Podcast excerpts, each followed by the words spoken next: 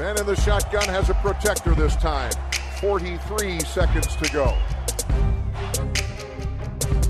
He scrambles around, throws it back corner of the end zone. Santonio with a touchdown! I don't know how he did it! What a throw!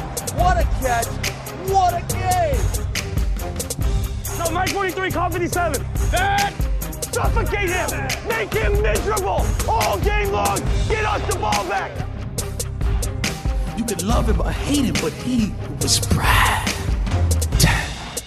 Hej! Du lyssnar på veckans NFL med Mattias, Lasse och Rickard. Precis som det är varje vecka när vi nu är färdiga med eh, grundsäsongen och vi har eh, alla slutspelsmatcher klara och eh, vad som kanske såg ut som en ganska seg sista vecka med inte så många relevanta matcher blev kanske precis så spännande som man bara kunde drömma om Lasse i slutändan. Ja, eh, ja man var inte riktigt beredd på det. Man gick in med ganska låga förväntningar. Eh, det var ju den här, eh, om jag får kalla det rickat match här då, eh, sent på natten som man ändå inte eh, liksom, hade energi för. I alla fall inte jag som man hade lite. Men, men eh, ja, det började ordentligt eh, där med att Jackson helt plötsligt bestämde sig för att de skulle börja spela fotboll. Och det satte väl hela söndagen vad som hände i, i nordöstra Florida kan man säga. Ja, plötsligt blev ju alla andra matcher relevanta. Eller alla Ja. andra. Men flera andra matcher relevanta. För hade, hade Colts vunnit den så hade det ju inte varit så mycket annat att, titta på liksom, eh, än Raiders eh, Chargers match. Så det var ju jättekul att Jaguars bjöd upp till dans. Ja, visst Ja, var det det. det tycker alla utan Colts-fansen. Men, eh, Ja, jag förstås. ja. Ja, eh, vi kommer väl lite till den. Vi ska inte lägga jättemycket tid på själva recapen. Vi ska ändå blicka framåt mot slutspelet här och vi ska prata om lite coacher och sånt där som har fått sparken också. Men vi kommer väl nämna någonting om matchen i alla fall.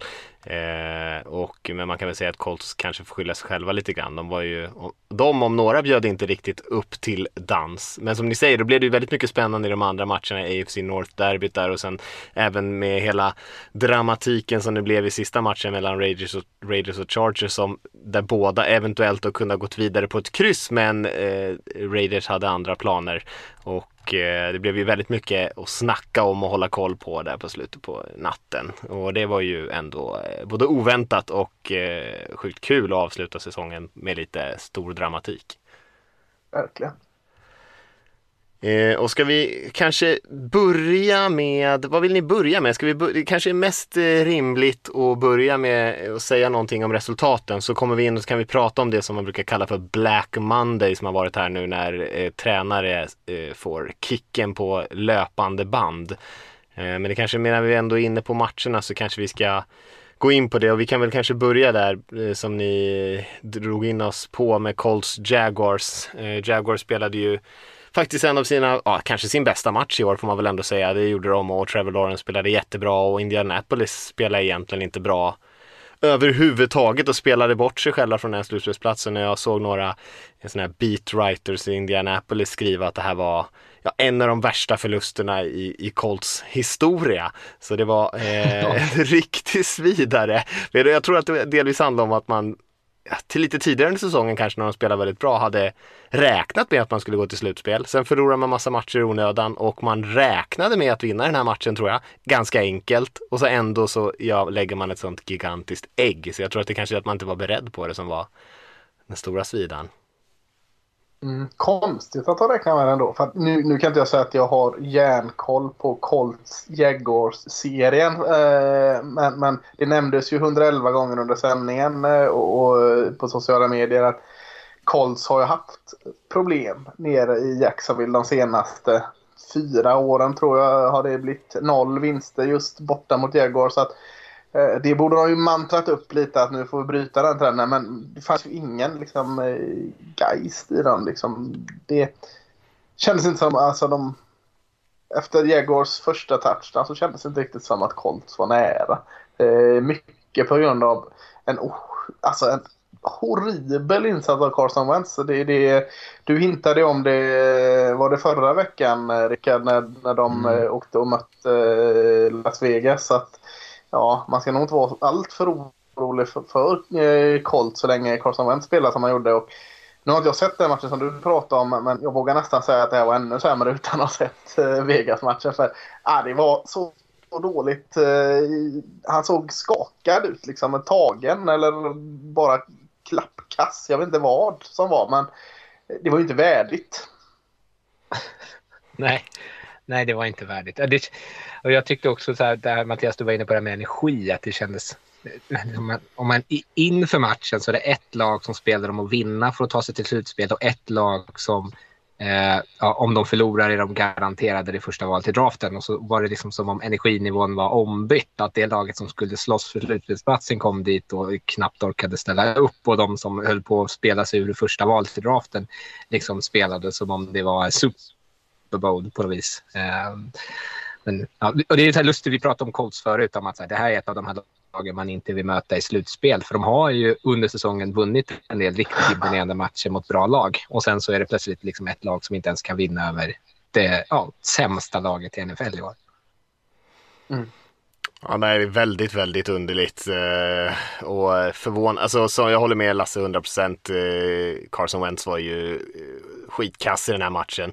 Och, men många andra också ska man säga i Colts var riktigt dåliga. Offensiva mm. linjen fick ju inte till någonting med Quentin Nelson och gänget mot den här Jaguars-fronten som man tänker att de ska kunna hantera rätt lätt med Colts bra offensiva linje.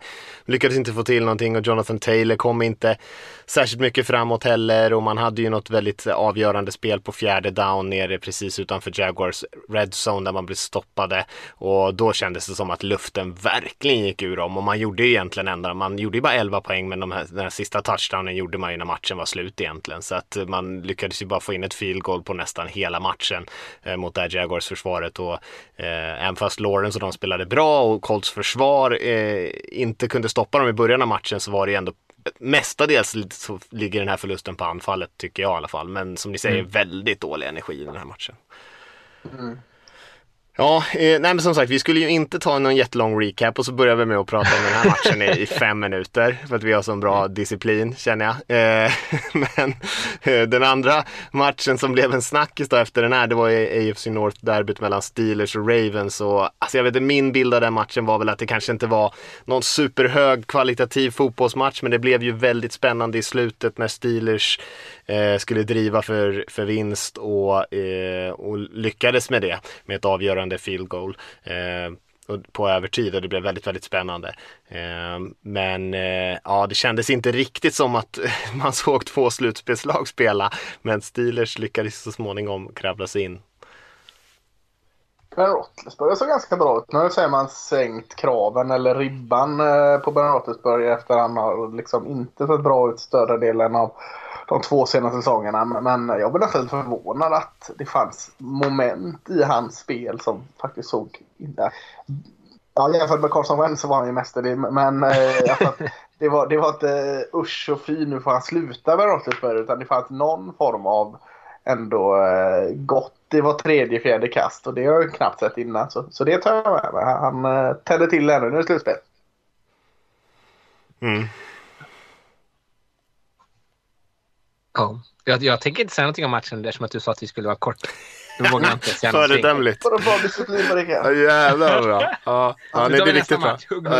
Ja, det, det enda jag skulle lägga till om den där var bara att jag blev lite förvånad över passivt Ravens spelar i slutet på den här matchen. Alltså med tanke på att man vet hur Steelers anfall fungerar. Det är liksom korta passningar, crossing routes och, och Big Ben är ju inte den som bombar de här djupa passningarna. Så blev jag förvånad över att man ändå lät dem kasta korta passningar till Najee Harris, springa på utsidan och, och liksom lyckas med de här eh, efter mottagningen eh, passningarna som de är rätt bra på och Roethlisberger fortfarande gör rätt bra. Så jag är lite förvånad att de inte var lite mer aggressiva där i slutet av matchen. Eh, men som sagt, de har ju rätt mycket skador och sånt också. Vad, vad ska vi hoppa till 49ers Rams-matchen då? Eh, som också gick till övertid och var en riktig, riktig rysare som började ganska... Rams tog en stor ledning eh, och 49ers med Debo Samuel i spetsen och Garoppolo med några bra kast i slutet på matchen efter att ha spelat ganska dåligt. Så lyckades de ta sig fatt, forcera övertid och vinna för att ta sig till slutspel, 49ers tog inget av rekorden va? Nej, det gjorde han inte. Eh, började väldigt bra där. Det kändes som att det blir lätt. Eh, jag, såg, jag somnade någonstans i tredje kvarten här på denna och vaknade upp i tron om att eh, Rams hade vunnit denna. Det var ju lite cowboys eh, inblandning i denna vilka de skulle möta och så. Så att eh, jag fick eh, snabbt se det där. Men eh, så jag såg bara en dålig Garoppolo och en bra Cooper Cup. Men, men eh, slutresultatet säger något annat. ja. ja. Det var, ju, det var ju en bra match sett, sett till det sättet. Det är som att vi pratar om 49ers som ett jobbigt lag att möta i slutspel. Så är de ju, visar de ju det här att de faktiskt kan hänga med de här storlagen. Eh, för Rams, det var ju inte att de liksom slappnade av utan det var ju bara att 49ers spelade bra. Mm. Ja, nej men de har ju sitt QB-problem kanske precis som Colts som vi har pratat om lite tidigare med Wentz och grejer men annars har de ju eh, ganska högkvalitativa spelare. Så att om de har deras högsta nivå är fortfarande rätt hög där i 49ers tycker jag. Så att det är inte något superlätt match. De, de möter väl dessutom cowboys men vi kommer till det sen mm. Eh, och sen har vi såklart den sista matchen av de andra, Chargers Raiders, som också den gick till övertid och blev eh, väldigt spännande, Rickard. Ja, det var eh, en, en ohälsosam match. Eh, men som tack och lov vann vi den. Nej, Raiders, eh, ja, eh, om man ska bara ta en, liksom det korta, det som är mest centralt i den så var det, Raiders hade ganska, de hade en 15 poängsledning tror jag eh, när det var typ fyra, strax över fyra minuter kvar. Och Chargers börjar sätta liksom matchen i händerna på Justin Herbert som faktiskt spelade fenomenalt i slutet. Och jag vet inte riktigt hur de liksom hittade den här andra andan i Chargers hela tiden. För de hade ju liksom tredje och 15 fjärde och 21 fjärde och 8. Eh, det var typ 8-9 spel. De var nere på fourth down som de liksom hela tiden eh, lyckades med för att driva och tvinga fram övertid. Eh, Raiders vann landsingligen men lyckades bara få till ett field goal och då kändes det som att så här, oh, fan, nu har ju Chargers anfall fått upp sin momentum, då kommer de ju vinna den här matchen. Men, eh, och de driver bollen helt okej. Eh, ett stort spel till Mike Williams, men sen eh, så ja, det är också, kickar de ett field goal. Det är oavgjort. Båda lagen går vidare på oavgjort. Skulle man kanske kunna bara ta ett par knän och vara lite soft. Inte om man är divisionsrivaler. Eh, och Raiders spelar ju jättekonservativt i, i, liksom, i slutet av övertiden. Springer bara bollen i stort sett rätt upp i mitten. Bollsäkert. Josh Jacobs liksom bara ser till att han inte tappar den. Eh, men eh, Chargers försvar kan inte stoppa springspelet och så lyckas de rulla fram och kicka ett avgörande field goal med två sekunder kvar. Och hela Raider Nation och eh, Steelers eh, Nation kan det inte vara. Deras eh, stålfabrik. Eh, satt väl och hoppades på att den skulle gå in. Ja, Eh, och nej men det är ju, jag, jag, tycker Chargers egentligen är ett tillräckligt bra lag för att vara med i slutspelet. Men eh, ja. deras försvar har ju svikit dem många gånger i år och de gör ju faktiskt det här också. De vet ju att Raiders kommer springa bollen på övertid. Det är 100% mm. chans för springspel och man lyckas ändå inte stoppa dem eh, på många försök dessutom. Eh, och sen så konverterar man liksom mirakulösa långa fjärde downs för att ens komma i det här läget att, man, att det blir så här jämnt. Eh, och mm. det var ju väldigt nära att det blev ett kryss kryss där och det, det kändes kanske mest sannolikt att det skulle bli ett kryss faktiskt innan, eh, innan det där field kom i slutet. Men det var ju ganska bra kanske att det, att det faktiskt fick sluta på det sättet och kanske rättvist också eh, sett till eh, matchbilden i övrigt. Ja, det tycker jag. Oväntat oväntat. eh, ja, nej, men vi kanske inte ska säga så mycket mer om det då. Då betyder det att vi har våra slutspelslag klara och de som liksom var uppe i luften där så var det ju 49ers och, eh, eh, och Raiders och Steelers som exakt som tog det. Och man kan ju nämna att TJ Watt också tangerade säkerrekordet men inte snodde det av Strahan då. Utan han kom upp på lika många som han hade tidigare. Eh, innan vi kommer till eh, de slutspelsmatcherna den här veckan då, för det är ju ett helt gäng som vi tänkte ge lite uppmärksamhet ändå. Tänk, tänkte jag att vi skulle, skulle nämna vad som har hänt på coachfronten. Och eh, vi hinner säkert prata lite mer om det. Jag och Ricka gjorde ju en podcast för våra patrons om kandidater. Eh, jag skulle säga att de flesta, eller om till och med alla de namnen som vi pratar om där eh, har ju eh, varit på lite intervjuer och sådär. Så att eh, många av dem som är, känns aktuella eh, snackar vi om där om man tycker det känns intressant. Men vi kan ju nämna vilka som har fått kicken i alla fall. Det är nu, det är nu först du ska hinta om att man kan bli medlem på Patreon och gå in och lyssna på den i efterhand. Du är förbannat dålig på att sälja in våra, våra Patreon här. det kanske var lite, lite luddig där. Ja. Ja, exakt, Så, så stöttar den man oss. fortfarande kvar där för Patreon. Så kan ni, har ni en coach i ett lag som blir sparkad så eh, kan det vara väl investerat att gå in och lyssna på vad, vad Mattias och Rickard där eh, har för tankar om detta. Helt, helt klart bra Lasse. Bra. Patreon.com slash NFL-supporter hittar man, hittar man det på. Eh, ja, men vi kan ju nämna de som har fått kicken i alla fall. Matt Nagy eh, i Bears har fått kicken, även general managern Pace fick gå därifrån. Eh, Mike Zimmer i Vikings fick kicken också, även Spielman, general managern där, åkte också. Vic Fangio i Broncos eh, efter en, eh, de gjorde en spelade en jämn match med Chiefs här senast, men han fick åka och det kanske inte var helt oväntat heller. Brian Flores däremot, och många som har reagerat på, Dolphins-coachen, de vann ju väldigt många matcher i slutet här på säsongen, eh, men räckte inte hela vägen till slutspel. Eh, David Cully i Texans, eh, har har han officiellt fått kicken än förresten? Det har inte jag sett. Nej, det har han nog Nej, inte. jag tror jag inte. Det är nog mestadels rykten där kring David Cully än så länge. Han Har han blivit faktiskt- anställd? Det känns som att han bara glidit med. Prao. Nej, nej, någon som kom. Ja, ja nej, det, det, han är Det känns lite så. Det känns lite så. Men många av de här insiders har gått ut att, eh, och sagt att det väntas att han eh, ska få kicken. Men han har faktiskt inte fått den så då ska vi inte räkna bort honom. Men sen har vi ju eh, Raiders-jobbet också med Gruden som man kan väl eh, tänka på som öppet. I Giants så har väl Joe Judge varit lite på den heta stolen, eh, coachen där. Men eh, där istället så gick Gettleman, den general managern, alltså sportchefen är general manager, eh, i pension sades det. Så att där har de ju en ledig sportchefsroll. Så vi får se om de, ja vilken ordning man vill göra saker helt enkelt. Var, det var kanske inte så mycket oväntat här förutom Flores, eller vad säger ni?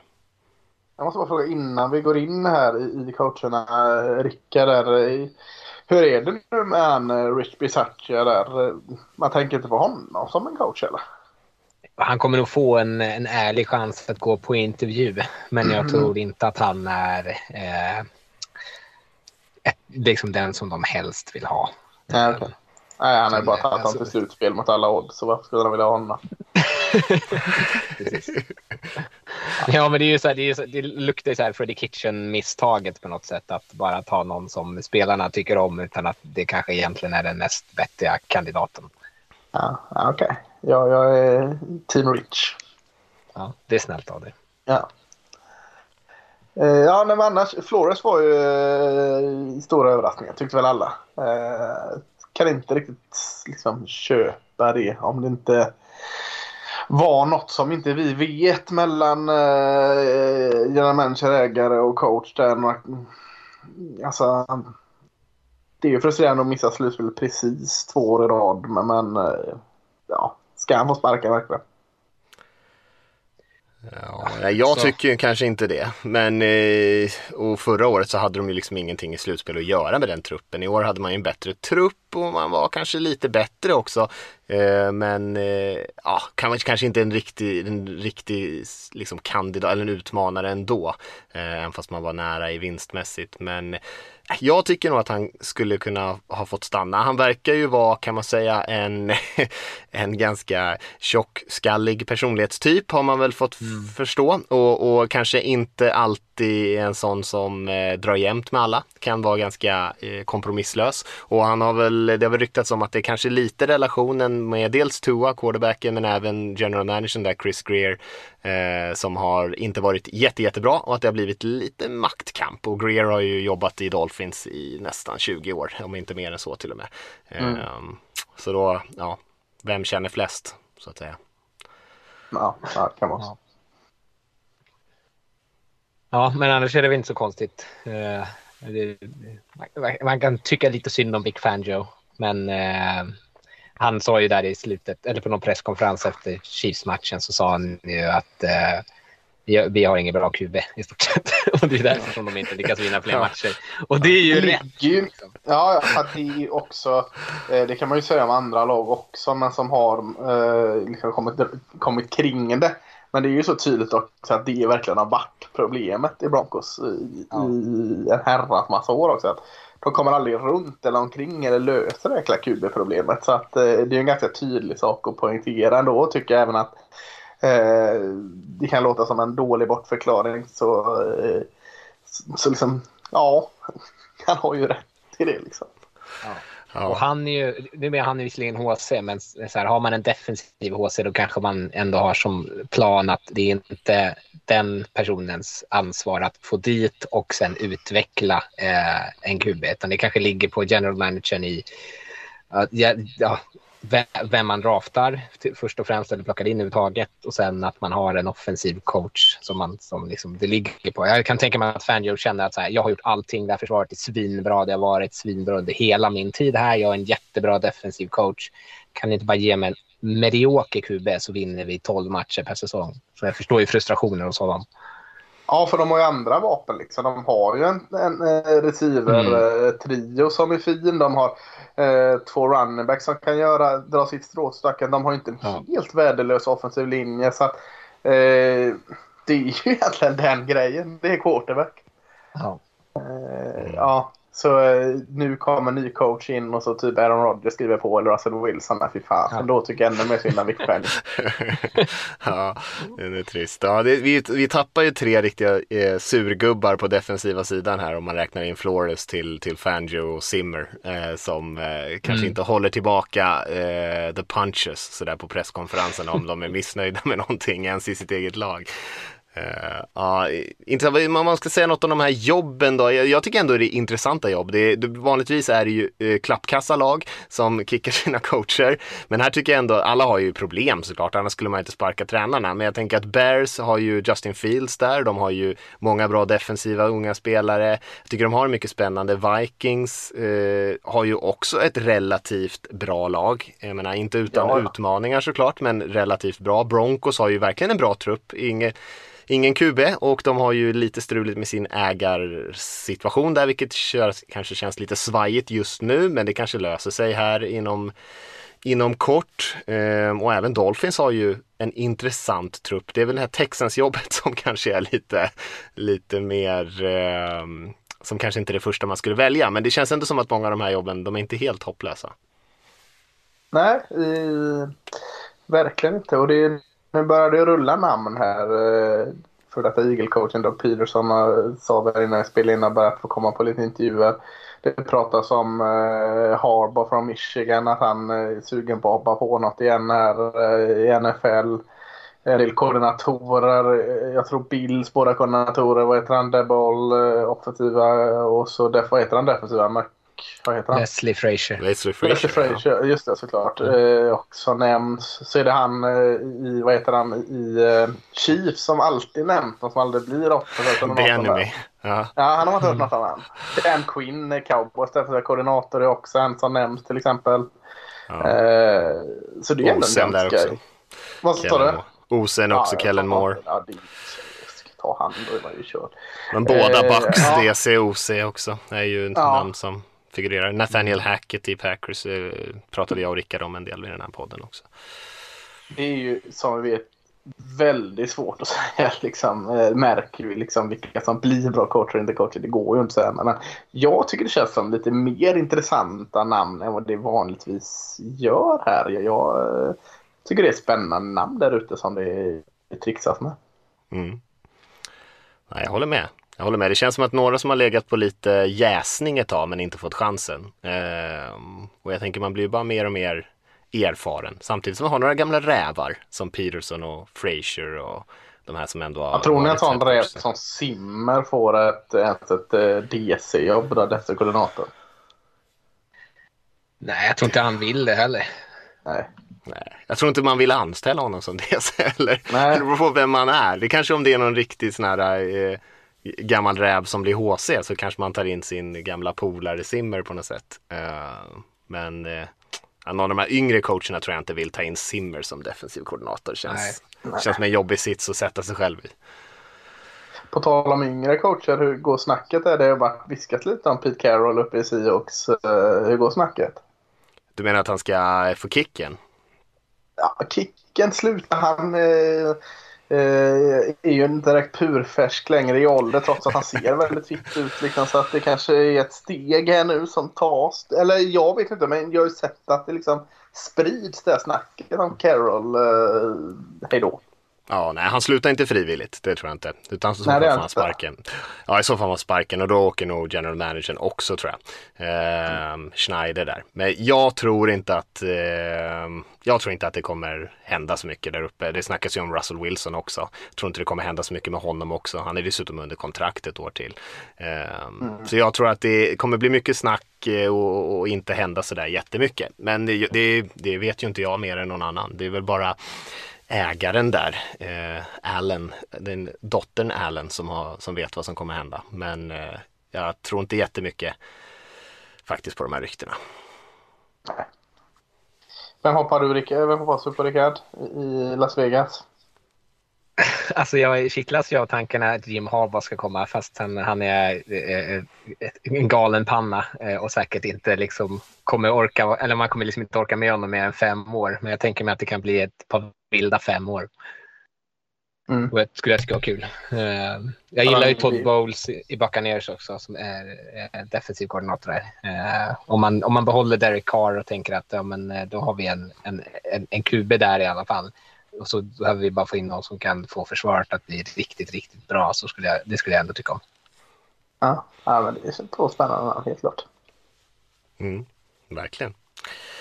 Eh, ja, nej, men vi hinner följa upp det här. Det känns som att det brukar ta lite tid innan eh, de här jobben fylls. Vi hinner säkert snacka lite mer om coacherna och de jobb som dyker upp. Det finns ju hel del sportchefsjobb som vi inte har tagit om här och det är ju också många koordinatorer som har rykt, eh, bland annat i Panthers som, Panthers har man ju sparkat både OC'n, offensiva linjecoachen, defensiva linjecoachen, special teams coachen som Matt Rule tar ut. Alla syndabockar han har där kastar han ut eh, genom dörren för, för, att överleva. Men eh, så mm. det finns mycket jobb och eh, sportchefsjobben är ju, de är lika viktiga som headcoachjobben skulle jag säga och om inte till ibland, ibland ännu viktigare, det är ju de som anställer headcoachen många gånger. Och där kan det vara riktiga doldisar som man aldrig hört talas om som får de där jobben. Så det är också mm. viktiga jobb. Det kanske vi hinner snacka om någon dag också. Men eh, vi kanske ska hoppa till det som är Super Wild Card Weekend här. När det är eh, sex slutspelsmatcher som ska spelas den här helgen. Två på lördagen, tre på söndagen, en på måndagen. Eh, och eh, ja, det ska bli riktigt kul. Man älskar de här matcherna. Det är en match i taget. Det är aldrig någon liksom dubbel dubbelmackor utan det är liksom alla, alla ögon på samma match. Eh, och eh, man hoppas ju såklart på att det ska bli lite högkvalitativ fotboll också. Vad, vad känner ni kring de här matchupsen? Uh, ja men jag håller med, kul. Uh, jag ser väl en som jag känner som är liksom inte spännande och det är väl Chiefs Steelers som jag, jag inte liksom hur jag än vrider och vänder på mitt papper kan få att Chiefs inte går segrande ur. Men annars så kan jag inte liksom eh, säga direkt att det är någon jag känner liksom solklar eh, segrare i någon. Så att eh, nej, det är kul matchup. Jag skulle ju säga eh, samma sak kanske om Eagles-Bucks-matchen. Mm. Eh. Jag står att skulle det, men jag, nej, jag, jag har inte riktigt eh, gett upp på Eagles än. Mm kommer till det. ja, nej, Bucks har inte eh, varit superdominanta alla veckor. Det har de ju inte varit. Så att, eh, helt utesluter jag inte. Men visst är Bucks stora nej, favoriter. Men det är väl den då om någon annan. så mycket kan jag hålla med om. Uh, ja, nej men vad bra. Vi, vi, vi har gjort så här idag eftersom vi inte eftersom vi ska hinna med något sånär och inte prata i cirklar och, och över varandras huvuden och sånt där. Så vi har faktiskt delat upp matcherna så vi har två matcher var som vi har ta lite ansvar och eh, leda in oss på ett bra sätt och sen så eh, kan vi lägga till lite grejer allihopa. Ehm, och kanske till och med tippa dem i slutändan. Men eh, vi börjar, jag tycker vi kör dem i, i ordningen de spelas. Det är ju tre stycken nattmatcher så det kommer bli en svettig helg för oss i, i gamla Svedala här. Det är tre matcher som spelas 02.15 lördag, söndag, måndag. Ehm, så det blir väl kanske några sena nätter. Ehm, men vi kan börja med 22.30 matchen på lördagskvällen. Raiders eh, som åker och möter Cincinnati Bengals. Ja, och jag tänkte bara börja som att jag är en så dålig vinnare att, att säga att det, Lasse, visst är det kul att ha ett lag med i slutspelet? Som Bu! Ja, det är jätte... Bu! Eh, Äntligen är det spännande med slutspel. Äntligen. Ja, eh, så nu fick jag det ur mig. Jag har kokat i mig ända sedan matchen. Eh, ja, skitsamma. Eh, ja, vi, vi, och Mattias sa att vi skulle ansvara för varsin match och också eh, titta lite tillbaka hur det gått eh, under säsongen. Lite kortfattat. Men Raiders som är där har ju haft en minst sagt turbulent säsong. Eh, Lasse pratade ju om det för någon podd senast. De har ju Grudens mail-skandal som gjorde att han gick mitt i säsongen. Ruggs rattfylla där han körde ihjäl någon och nu sitter i fängelse. Ehm, och så hade de ju Nate Hobbs, deras cornerback, som också då sov eh, full i bilen. Ehm, här de, ja, var- bara, ja, inför sista matchen. Så det har varit mycket som har, liksom har hänt och stökat. Eh, det är första laget i så här, den moderna NFL de senaste 60 åren som har gått till slutspel med en tillfällig head coach. Eh, då räknar jag bort Arians tid i Colts eftersom att eh, Chuck Pagano var det va? Ja, som kom, kom tillbaka i tid till slutspelet. Skitsamma. Raiders började 3-0, avslutade säsongen 4-0 eh, och däremellan gick de 3-7. Det har varit högt och lågt. De vann mot Ravens, Steelers, eh, Philadelphia och Dallas. Eh, alla som var med i slutspelsracet. De förlorade mot Giants, Washington, Bears eh, och framförallt så blir de totalt eh, för, förnedrade eh, av Chiefs i två matcher. Eh, men nu är de här, det, så det är det enda som räknas förstås. Eh, så har, vi, så har vi Bengals på andra sidan som också har haft en ganska böljande säsong.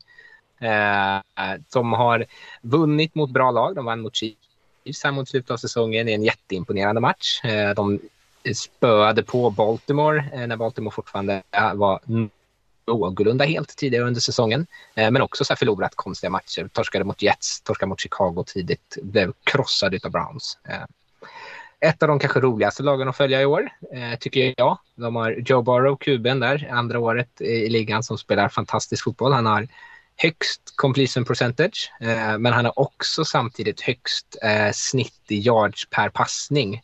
Eh, så de är ju liksom ett lag som bombar många djupa bollar och också lyckas mycket med de passningarna. Det är inte kanske sådär om man ska vara taskig, ett sådär tråkigt eh, yards after eh, catch-anfall. Eh, kanske inte tråkigt, men det är ett ganska roligt anfall i alla fall. Run and gun fotboll. Eh, och de har eh, rookie-sensationen Jamar Chase framför allt då, men också wide receivers som eh, Higgins och Boyd eh, och ett försvar som spelar eh, betydligt bättre än vad man hade trott med Eh, defensive end Trey Henriksson, eh, eh, defensive tackle Larry Ogunjobi och inte minst safety Jesse Bates. Ja, det var ju lite kort om dem då. Och inför själva matchen, det här, de har ju faktiskt spelat tidigare i Las Vegas. Bengals vann den enkelt med 32-13. Och Joe Burrow behövde inte göra så mycket, jag tror han kastade för typ 150 yards. de då sprang bollen bra Eh, och framförallt så spelade försvaret jättebra och Raiders anfall gjorde ingenting alls. Eh, och det var rent så här, resultatmässigt jämnt en del in i matchen, men det, det, de hade kontroll hela tiden, Bengals, och ryckte iväg i slutet framför allt. Raiders har, blivit, har spelat bättre senaste tiden, eh, så i den här matchen, om de ska liksom ha en chans att eh, vinna, så behöver de springa bollen framför allt ordentligt, så att de inte blir alldeles för endimensionella i anfallet. Eh, och framför allt så har har anfallet varit bättre när man har avlastat Carr som inte har spelat sin bästa fotboll de här sista matcherna utan han har ju haft en del misstag som har kunnat kosta dem men som de har liksom kunnat rädda sig från. Ehm, och om man ska säga någonting om Raiders vinster så har de ju, det har ju liksom varit på målsnöret så eh, de, om de har möjlighet att hänga kvar så, har, så är Carr faktiskt bra i slutet av matcher. Eh, och liksom tappar de inte, sjabblar de inte bort det utan kan hålla det jämnt så har de ändå visat att de har en trupp som vet hur man avslutar matcher. Eh, till skillnad från de senaste 20 åren. Eh, Raiders vann nu senast för att deras eh, defensiva linje spelade fenomenalt. Eh, framförallt då Max Crosby. Eh, och eh, där behöver ju Bengals kanske se upp. De gillar ju att gå ut i såna här empty formations där de har liksom bara receivers ute och ingen, ingen eh, running back på plan så att det är tydligt, alltså uppenbart att de passar. Eh, och de inte kan ha någon sån här max protection att de har en tight end eller en eh, eh running back som också hjälper till i blockeringen. Eh, så liksom, spelar de på det sättet då kommer Raiders kanske defensiva linjen ha en chans att, att trycka till Burrow. Um, och, um, samtidigt så stressar ju det Raiders secondary som är ganska dåligt och som saknar lite spelare och därför är ännu sämre. Uh, så där kommer de, det kommer finnas utrymme för, för Bengals att ha väldigt mycket passyards Uh, och Raiders måste försöka vinna genom att då och då stoppa deras drives genom att liksom sacka eller liksom trycka bak dem, forcera fram en penalty eller någonting som gör att eh, de inte bara liksom metodiskt kan eh, trampa upp. Eh. Och sen Bengals anfall har väl visat att de kan ta poäng. Eh, och Raiders anfall har varit väldigt inkonsekvent. De måste ju, vis, de måste ju kunna spela som de gjorde här mot Bengals då, och, liksom sätta ihop längre serier och kunna avsluta med touchdowns, vara bättre i red zone än vad de varit under året. Eh, men eh, frågan är om de kommer göra det. Men det säger ju, ja, Bengals försvar har ju spelat bra i liksom stunder, men också varit väldigt bleka i stunder. Så det är lite, det är lite så här, ja, Bengals försvar är svajigt, Raiders anfall är svajigt. Vilka kommer att ha en bra dag? Och så känns det som att det kommer att avgöras där. Mm. Jag tänker på den här matchen. Är det inte lite så ändå? Matchen här är Bengals passoffensiv mot eh, Raiders försvar i stort. Eh, du nämner där eh, pass rushen Max Crosby som haft en fin säsong med det. Men, men är inte det själva matchen här? Eh, Joe Burrow till T. Higgins och Jace. Huruvida eh, Raiders kan stå upp mot det. Är, är det någon form av liksom, fokus eller? Ja, ja, ja, men då skulle jag då snarare säga hur snabbt kan de få ut bollen? Därför att eh, alla de där tre receiverna som du nämner skulle jag säga är bättre än, ja, ja jag skulle säga att de är bättre än alla Raiders eh, cornerbacks. Så de har ju liksom, de har, de, de har ju överläge på utsidan mm. överallt. Eh, så får Borrow tid och de har möjlighet att spela de här djupa spelen, då kommer de ju lyckas med det. Eh, och mm, ja, men det är därför Raiders... det är ju, mm. ja, då blir det ju intressant då liksom efter att få de tiden. För att hade det varit en total slakt eller att det inte var en chans hade det inte varit så intressant. Men nu är det ju faktiskt att, som du säger, att eh, Eh, de är ganska effektiva på att komma åt eh, kuben då. Framförallt om de ställer upp i MT-position som du säger. Så det blir ju intressantaste match, matchupen tycker jag i alla fall. Absolut, det kan jag köpa. Nej, jag håller med. Jag tror att man kan, man, att Raiders har potential att göra Bengals lite enformiga här. Man har spelat rätt bra i springförsvaret och, och Bengals eh, har ju inte någon sån här super, eh, supertung offensiv linje direkt. Att man kanske tvingar dem att bli lite beroende av de här stora spelen. Och, de kommer säkert att sätta ett par. Men så länge Raiders pass rush med Crosby i spetsen kan, eh, kan bjussa på några smockor tillbaka där. Kanske till och med orsaka någon turnover eller några stora sax där man kommer liksom eh, ut ur rytm och måste punta så, så kan, det liksom, kan man hänga med här ändå tror jag. Eh, för mig känns det ju ändå som att Bengals är det liksom stabilare, bättre laget den här säsongen än så länge. Men, det, men i en sån här match så känns det som att eh, jag räknar absolut inte bort Raiders ur den här matchen. Nej. Ska vi tippa denna då eller? Det tycker jag. Ja, jag kan börja. Gör det. Jag tror på skräll. Jag tror Vegas vinner. Eh, 27-24 säger jag. Jag tror det blir jämnt. Det blir en riktigt bra match som kickar igång slutspelet. Eh, Las Vegas är bra på de här marginalmatcherna. Eller det kanske de inte är, men har, man har ju den här sista i så färskt minne. Eh, och jag har ju dessutom, jag tror inte jag har sett Vegas förlora i år av de matcherna jag har sett. Så att, eh, livsfarlig med Hunter Renfro där i Red Zone. Och, eh, ja, jag, Cincinnati, de får fortfarande vänta. 94 vann de en slutspelsmatch senast. Eh, eh, så att, eh, ja, jag, jag, tror Vegas går ut direkt och skräller där. Kul. Ja. Eh, nej, jag, jag tror Karlsson att... Karlsson kickar in avgörande igen. Ja jäklar han är stekhet alltså. Mm. Den, den har Mike Zimmer fått uh, käka upp. Han, mm. uh, kickade honom. Eh, uh, nej, jag, jag, tror att Bengals vinner. Jag, jag, hoppas också på en jämn match. Jag tror att den kan bli jämn, men jag tror kanske att man lyckas få till något stort spel eh, extra så att man tippar över lite grann åt Bengals håll där och att de vinner med 27-20 i slutändan.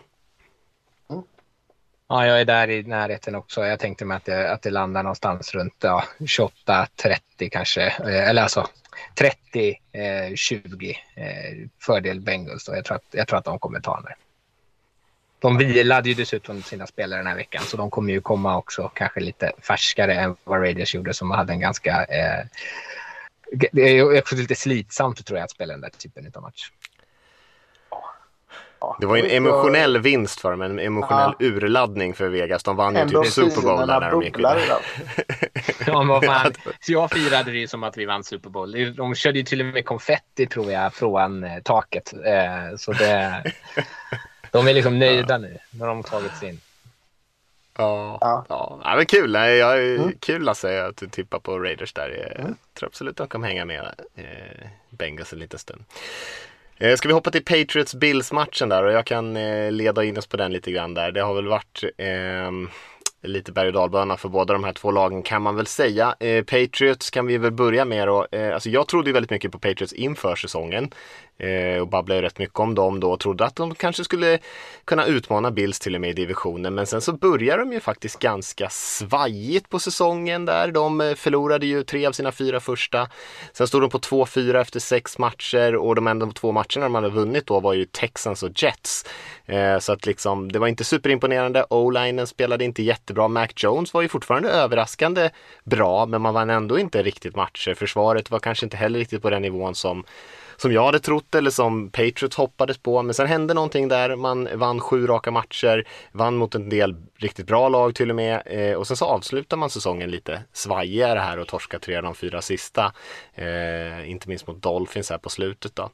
Um, och Bills kan man väl säga nästan tvärtom från Patriots där. De uh, har ju börjat säsongen jättestarkt och avslutat säsongen jättestarkt men hade en kanske lite svagare period där i mitten av säsongen då. Um, och Eh, de har ju mött ganska enkelt motstånd i år och det har vi sagt många gånger när vi har kanske inte gett Bills riktigt all cred som de kanske har spelat sig till med tanke på att deras försvar eh, i år, jag tror att de är nummer ett både i yards, poäng, sån här DVOA eh, analytics och de flesta liksom mät. Men de har ju mött ganska svaga anfall. Eh, och det som är kanske förvåningen, jag tror att många hade trott att försvaret kunde ta ett ganska rejält steg i rätt riktning den här säsongen.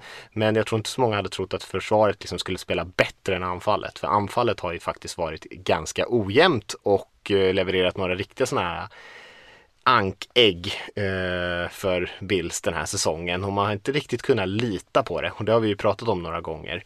Att det har varit väldigt upp och ner. Um, och det har man ju kanske inte minst sett i matcherna mot Patriots då när de spelade eh, ganska, eller de spelade riktigt dåligt i den första matchen och riktigt bra i den andra matchen. Uh, och det, de var ju också väldigt olika de matcherna och det här tänker jag är saker som blir viktigt för den här matchen också vad det är för typ av matchbild och kanske mycket om hur matchen börjar också. För i den första matchen som de här möttes då var det ganska dåligt väder till att börja med och det är ju fortfarande uppe, lite uppe i luften. Bill spelar ju utomhus långt upp i eh, norra USA och eh, kan ju bli lite eh, svajigt väder där ibland. Eh, men då saktade ju Patriots ner Bills anfall ganska direkt. Att de, de tog ledningen. De bara sprang, sprang, sprang, sprang, sprang. Mac Jones tror jag passade bollen tre gånger den matchen. Han var ju knappt en del av matchen. Och sen eh, eh och Bills då kom ingenstans och det blev en så här lite poäng och eh, Patriots vann den. Och i den andra matchen då fick ju, kom ju Bills igång direkt med sitt anfall. Man tog ledningen, man spelade väldigt bra matchen igenom och Patriots var tvungna att börja passa bollen. Och eh, ja, då käkade ju Bills försvar upp Mac Jones egentligen. Han hade interceptions och, och man gjorde ingen, eh, kom ingenstans egentligen och Bills vann den matchen ganska lätt. Så att lite så hur matchen kommer igång, det tror jag är viktigt i den här matchen också. Eh, och vem som lyckas, lyckas forcera igenom sin matchbild. Eh, för när man tittar på Patriots den här säsongen så har ju deras anfall är inte urkass, men det är ju inte något explosivt anfall. Jag tror att lite spelar man så med flit. De har gjort det sedan Brady lämnade egentligen. Eh, och man har, i år har man inte eh, knappt vunnit några matcher där man har tillåtit särskilt mycket poäng. De vann mot Texans med 25-22 och man, vann mot Chargers med 27-24. Men annars, de andra åtta vinsterna har man tillåtit max 13 poäng i. Eh, och så fort man har tillåtit egentligen över 20 poäng, ja då förlorar man för det mesta.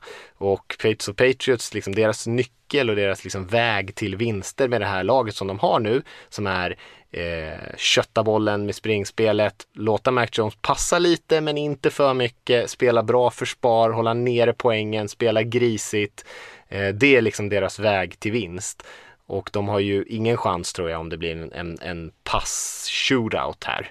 Eh, även fast Mac Jones spelar bra så då tror jag att man, eh, då har man förlorat. Utan det gäller att hålla nere poängen eh, och försöka göra Bills endimensionella, vilket de redan är till viss del eftersom de i stort sett bara passar bollen, inte eh, väldigt sällan får igång ett effektivt springspel.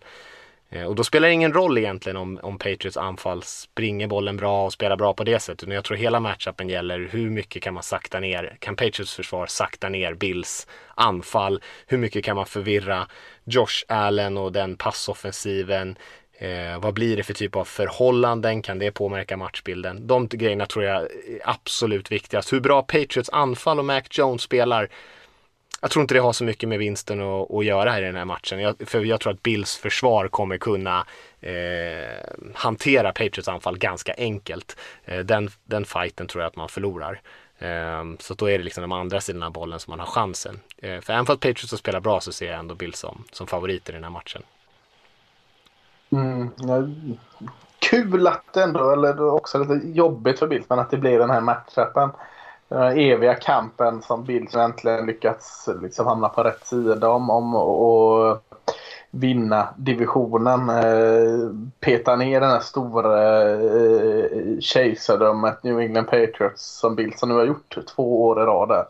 Får man dem ändå, får man Bill Belichick och New England Patriots i slutspelet direkt här. Det, Eh, bara det är ju kul med den här matchen. Men eh, jag, jag, är mycket inne på det du säger där eh, kring matchupen. Jag, jag, jag tror eh, det är bara vädrets makt som, som eh, kan ställa till det för att inte Bills tar detta tror jag.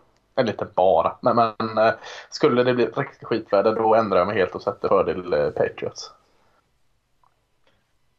Ja, alltså det som jag tyckte var skillnaden i den andra matchen, förutom eventuellt värnet, då var väl att så här, ju mer ansvar man la i knät på Josh Allen, desto bättre fungerade anfallet. Eh, så att låta, eller låta honom, men det är kanske svårt, men alltså så här, få honom att springa mycket, liksom ge honom, ett, ge honom förtroende i så här, tuffa situationer, kanske våga spela på fjärde down med honom, att ha honom som sitt bästa vapen och liksom använda det. Eh, Eh, Patriots är ju så mycket matchups när man möter dem, men de är ju experter på att liksom se till att man spelar i underläge. Men med Josh Allen så han är ju faktorn som kan få dem att alltid vara i överläge. Eh, så inte springa bara för att det ser ut som att man har läge att springa, utan låt honom spela och låt honom i så fall scrambla om det så att det öppnar upp sen en, liksom en, en väg att springa bollen.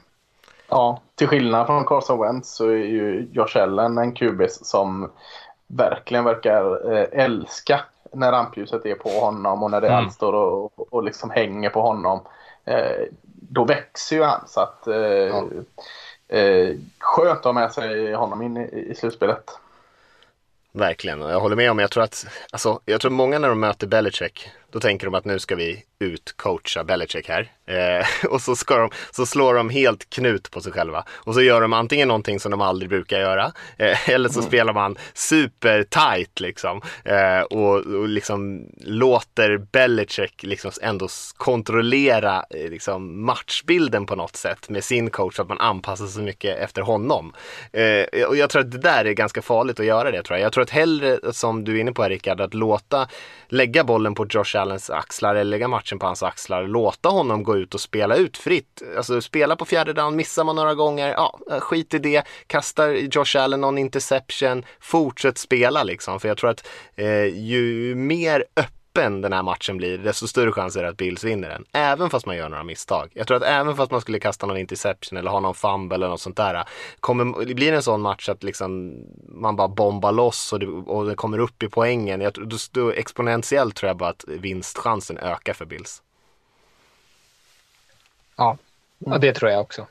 Alltså, våga, alltså, jag tror att de har till bra försvar för att kunna inte släppa alldeles för mycket poäng även om de ger New England bra liksom, field position. Alltså att om man släpper den, om man går för fjärde på sin egen 40 yards linje så betyder inte det nödvändigtvis att man offrar poäng eller att man kanske bara offrar en, ett field goal och så gör man det två gånger. Till slut så har man ju själv kunna kontra med en touchdown, tror jag.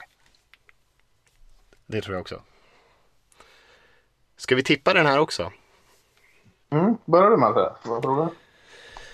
Jag tror att det kanske blir lite jämnare än eh, vad jag, äh, än, äh, vad jag skulle vilja. För att jag tror inte att de kommer våga vara så riktigt så aggressiva äh, i Bills. Utan jag tror att man kommer kanske påverkas lite av att det är Belichick, att det är den här rivaliteten och att det blir därför kanske lite jämnare och lite lägre poäng än vad ehm, än vad jag skulle vilja se om, om jag var Bills supporter. Men jag tror att den slutar med Bills vinst 24-20 kanske eller något sånt där. Så att det ändå blir ganska jämnt. Ja, helt inne på samma linje. Jag hade kritat ner 2017 till Bills så det är väl ungefär samma resultat med samma resonemang där från min sida. Jag tror att det kommer sticka iväg lite mer. Uh, att de, jag, tänker att, jag tror att Bills kommer vinna den med typ ja, 34 eh, 21 eller någonting. Eller ja, det är ju dumt om de ska kicka massa field goals. Men därom, däromkring. Jag tror att de kommer vinna den relativt bekvämt. Jag tror att i slut, när det är 10 minuter kvar av fjärde kvarten så kommer man ändå känna att ja, men det här har de. Det är ingen fara. Ja. Mm. Mm. Ja. Ska vi hoppa vidare till söndagen då? Då, har vi ju, då börjar det med Eagles hos Buccaneers klockan 19. Mm. En match som jag sa att jag inte var helt säker på att Tampa skulle vinna. Det kan ha varit en liten, liten överdrift i det. Eh, självklart stor favorit. Eh, men, men Eagles eh, är ju i en fin form. Man började ju sådär om man säger det snällt. Man gick 2-5. Eh, identitetssökande i sitt spel. Eh, eller bara helt fel identitet. Man, man spelade inte efter de resurser man hade. Man försökte lite se vad man hade i Jalen Hurts och man sa väl mer att man skulle springa med bollen än vad man eh, de facto gjorde. Eh, eh, la lite för stort ansvar på receiver som, som eh, kanske inte alltid levde upp till det trots att det var inte Smith-rookien där hade en jätte, jättefin säsong. Eh, avslutade säsongen 7-3 eh, och hittade väl sin identitet då med Jalen Hurts som ett hot kanske man kan säga främst på marken tillsammans med eh, duktiga Miles Sanders och till och stor del eh, Kenneth Gainwell, rookie running backen. Så att eh, eh, medvind in här i slutspel. Man ska inte lägga någon som helst fokus på att man blir totalt överkörd av Cowboys sista matchen. För det var väldigt reservbetonat i, i Philadelphia. Där. De, de vilar i stort sett alla nyckelspelare. Eh, eh Tampa, de har väl varit bra hela säsongen. Eh, haft, tror de förlorat två matcher i rad någonstans i mitten där. Men eh, inga dippar där utan det är ju ett av NFLs bästa lag eh, när man summerar grundserien. Eh, så det går inte att dra några stora tendenser. Bra rakt igenom. Eh, kommer dock in här lite skadeskjutna.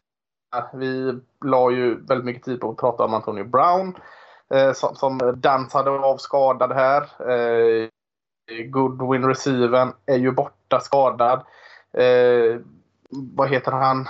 Mike Evans är ju med men, men har ju småkänningar. Eh, så att Tyler Johnson är, är väl den receiver som är 100% nu, nu är nog Mike Evans hyfsat good to go här men man har haft småskador och dras med det. Så att, eh, Eh, kommer in med fin form men kommer in lite skadade. Du har även eh, linebacken David skadad och eh, Barrett här också varit småskadad. Så det är nyckelpositioner som är skadade. Så även att formen är fin så är det lite orosmoment kring eh, status på spelarna i, i, i Tampa där. Men, men eh, ja, de är ju favoriter. Det här försvaret är ju Eh, en matchup som verkligen Philadelphia inte ville ha med, med tanke på att, som jag sa, de hittar sin identitet med att springa med bollen.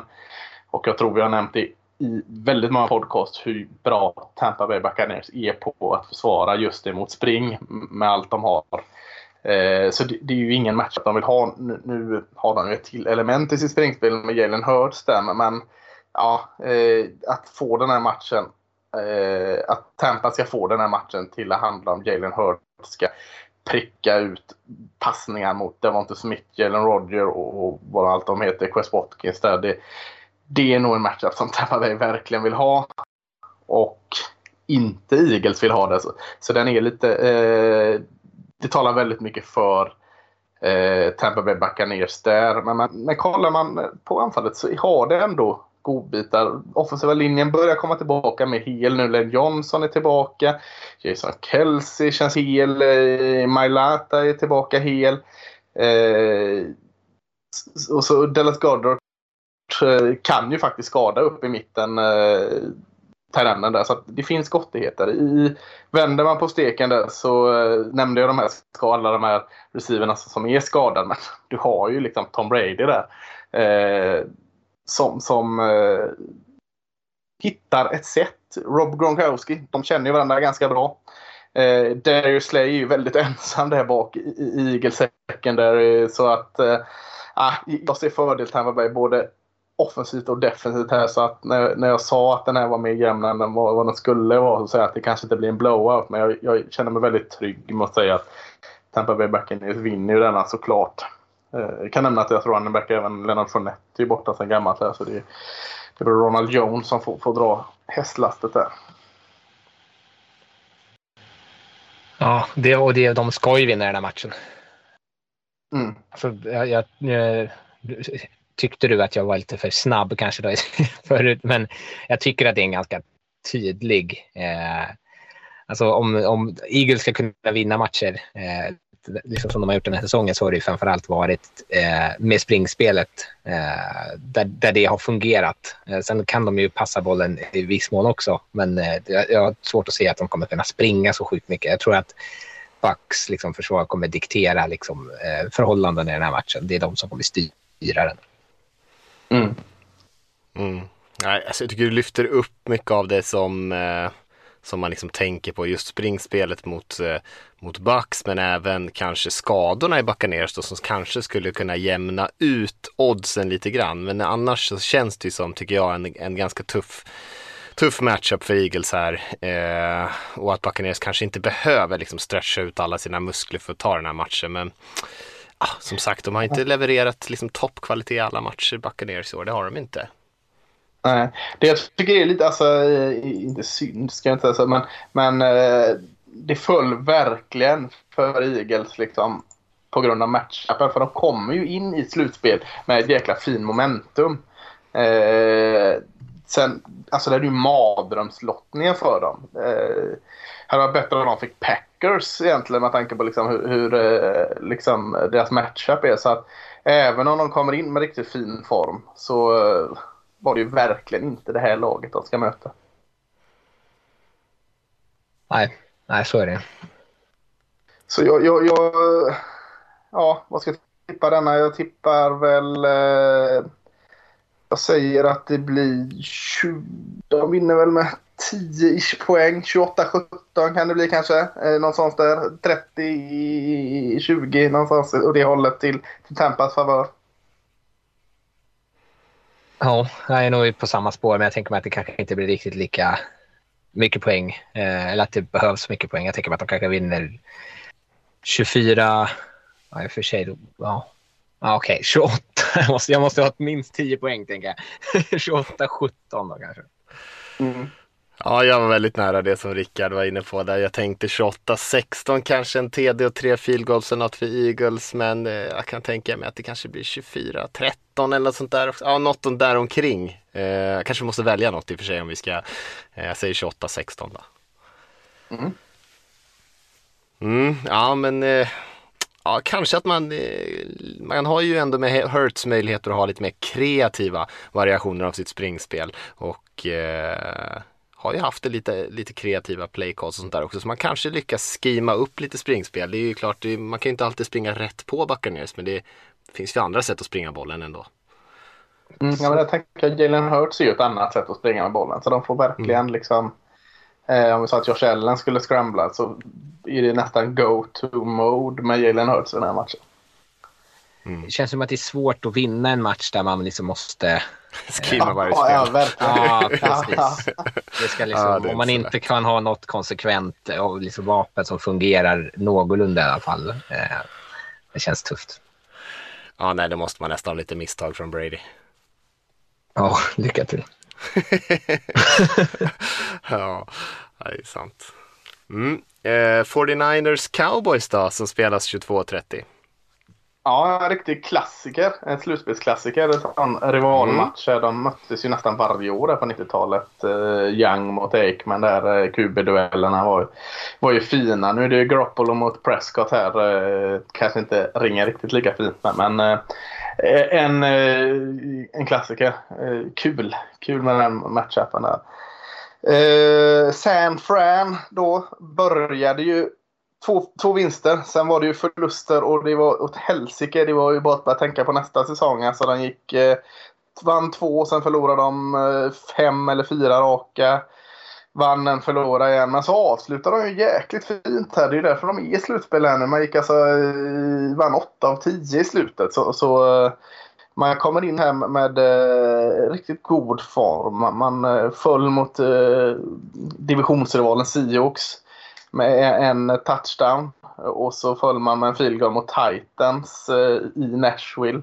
Så att eh, inte mycket att säga om de två förlusterna heller. Så, så jättefin form kommer de in i eh, eh slutspelet med och, och toppas ju, ju grädde på moset här med den här eh, vändningen och vinsten senast här mot Los Angeles Rams. Eh, Cowboys eh, ja, vad ska man säga, deras form. Eh, började också väldigt, väldigt bra. Förlorade mot Bucks första. Sen vann de väl eh, sex raka. Och sen kom de in lite dipp där i mitten. Men, men avslutade fint där med eh, sex av fem senaste vinsterna. Så att eh, eh en liten dipp i mitten. Men annars har det sett ganska bra ut eh, eh för dem rätt igenom. Eh, jag tänk, tänker att eh, det är väl två lag här som Ja, man kommer in med bra form men det är också lätt att peka på saker som inte riktigt funkar med dem.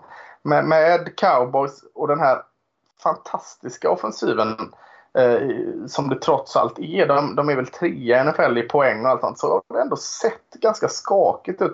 Dak Prescott har inte riktigt eh, sett så bra ut som man har förväntat sig efter sin skada där mot New England i mitten av säsongen. Så har det varit lite tuffare för honom. Springspelet som man har lutat sig mot ganska många år med Zeke Elliott har, har, har, ju inte alls eh, levt upp till det. Tony Pollard, Pollard har väl gjort en del men, men, men inte så.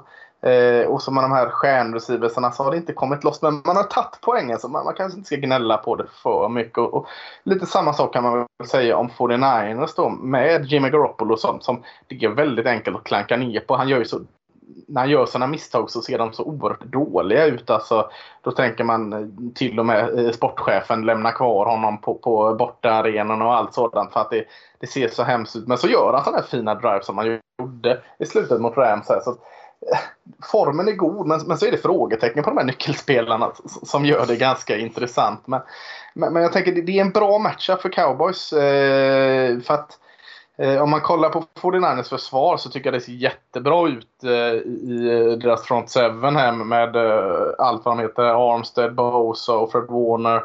Eh, men kollar du bak i plan mot pass så ser det inte alls eh, lika mäktigt ut. Och det är ju cowboys melodi nu. Passa, passa, passa, passa. Eh, på CD Lamb, på Amore Cooper, på Cedric Wilson, på Michael Gallup. De, de har ju sina receivers där som, som kan ta emot bollar. Så att, eh, offensivt är det en väldigt, väldigt bra matchup för, eh, eh för cowboys. Och, och vänder man på steken så ja, eh, det har ju hänt en hel del när Dan Quinn kom in i Cowboys. Här. De har eh, levt på momentum och eh, opportunistiskt tagit vara på oerhört mycket turnovers, eh, digs här eh, med alla sina interception. Eh, Mika Arson med forcerade fumbles och egentligen hela säcken är massor av interception. Men de, de, de, släpper också, de blir brända, de släpper stora spel, de spelar ett eh, brist på ett annat ord, risk reward eh, försvar här. Så att eh, eh, bara för att han gör picks så är det inte säkert att de inte liksom det är omöjligt för en sån spelare som är nyckelspelaren för San Francisco, en Debo Samuel, att liksom sätta upp en riktigt fin match för dem. För att, när det är en sån, eh, vad ska man kalla det, eh, S i rocken, eller joker eller eh, Eh, en allt-i-allo-spelare som Dimo Samuel ändå har blivit så har oftast Cowboys stora problem med det. De har inte den där eh, tydliga liksom, spyen på honom. Så att Eh, jag tror också det är en fördel i offensiva matchupen för 49ers med deras springspel, eh, Mitchell och eh, Debo Samuel som gör lite av varje där. Så två offensiv som kommer eh, bomba ut. Så jag tror det kommer bli mycket poäng. Men i, slutändan så, så, ja, jag ser faktiskt Cowboys som ganska tydlig favorit. Jag kan tänka mig att det blir eh, eh, en ganska tydlig seger till slut. Eh, trots, får lägga till det, jag vet inte om ni såg de bilderna där från eh, Los Angeles. Det är helt rött på läktaren. San Francisco reser ju jäkla bra. Så de, de kommer ju vara en jäkla massa 49ers-fans även i Dallas. Så, så det kan ge en skjuts också. Ja, alltså jag tycker att eh, det, det här som du pratar om risk-reward-försvaret känns som en, eh, en sån att man alltså, den, alltså 49ers eh, anfall eh, i stundtals får de liksom jättefina långa serier när de är för igång sitt springspel och de kastar sina små korta passningar som plockar upp 6-7 yards så gör de det om och om igen liksom, på något vis. Eh, och man, om man ska försöka förhindra dem eh, men utan att liksom offra alldeles för mycket eh, där bak. För det är också så här, jag tänker mig att ert försvar är tillräckligt bra för att inte släppa alldeles för mycket poäng. Men om man spelar den här risk-reward så kommer man kanske också bränna sig. Ja. Får man inte tillbaka det då? Alltså om man, om man tänker sig att det är okej okay att det kostar en, en touchdown för att jag kommer få en interception. Men det är typ den, det som jag känner skulle kunna vara avgörande för 49ers fördel att de lyckas bränna er Eh, kanske mm. en gång och sen så bara, men nu slutar vi ta chansningar i 49ers eh, som gör att så här, ja, men nu, vi, då håller de nere poängen. Liksom att få tvinga fram misstag i ert försvar som leder till touchdowns för dem själva och sen se till bara, eller hoppas på att, det inte, att liksom Diggs inte suger in bollar. Mm. Mm. Ja, det, jag tycker det känns som en ganska bra matchup för båda anfallen här ändå. Alltså jag tror ändå att eh, 49ers kommer kunna flytta bollen hyfsat ändå. Man är inte som, alltså man har ju utmaningar med att Garoppolo som troligtvis kommer starta den, han gör ju misstag, eh, dåliga reads och sånt där. Men annars har de ju ett ganska risk-off anfall. som vi pratar om det här opportunistiska cowboys-försvaret. Man är ju inte laget som eh, kastar särskilt mycket långa passningar utan det är ju de här eh, korta som Samuel och andra explosiva spelare gör någonting med. Ayuk har ju kommit igång också Eh, andra halvan av säsongen här. Um, så att jag tycker att det känns ändå som en ganska schysst matchup för dem. Jag tror inte man är så jätteberoende av att ha någon jättesolid passblockering, sånt som cowboys är ganska bra på. Och cowboys anfall å andra sidan som du är inne på Lasse, det jag håller jag med om 100%. Jag tror definitivt att man kommer ha möjligheter att passa boll runt bollen lite grann här och då hänger det ju ganska mycket bara på om Dak har en av sina bra dagar som jag sett i år eller en av de lite hackigare dagarna som han faktiskt också haft en hel del sen han Eh, I alla fall efter, efter den här första eh, snabba starten som, som cowboys och Dak fick. Eh, mm. Men eh, så jag tror på ganska mycket poäng. Om jag ska ge en poäng på det så säger jag ändå att det blir, jag tror på cowboys vinst. Jag tror att det blir ganska jämnt men jag tror att 31-27 eller något sånt där säger jag. Jag tror att det blir ganska mycket poäng. Ja. Jag hade skrivit ner 33-24 så det är ungefär samma där. Men, men eh, något av de trakterna jag tror också det blir poängglatt. Två offensiv som kommer kunna spela ut.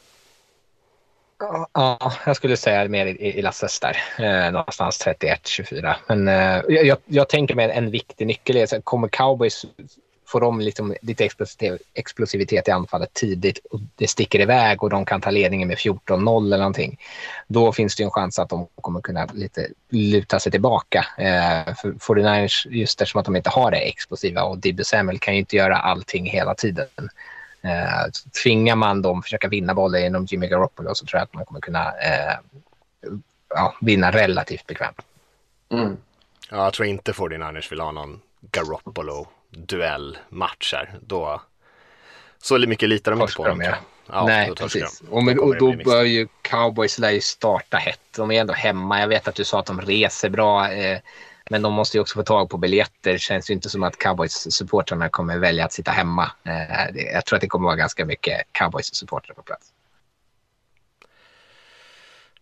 Mm. Ska vi hoppa mm. till eh, nattmatchen där och Steelers hos Chiefs som vi på förhand pratade om kanske är den som kanske känns eh, minst spännande. Men å andra sidan har vi haft, det är ju Chiefs som inte har eh, inte har varit sitt vanliga jag alla matcher. Nej, men eh, alltså, de har kanske varit sitt vanliga jag här i slutet av säsongen. Eh, bara för att jag ska ta det en, två, tre, fyra åtta, nio, tio. Sista tio, ja, nio av de tio sista matcherna vann de. Torskade mot eh, Bengals i den här dramatiska matchen. Eh, så det har ändå eh, klickat en aning.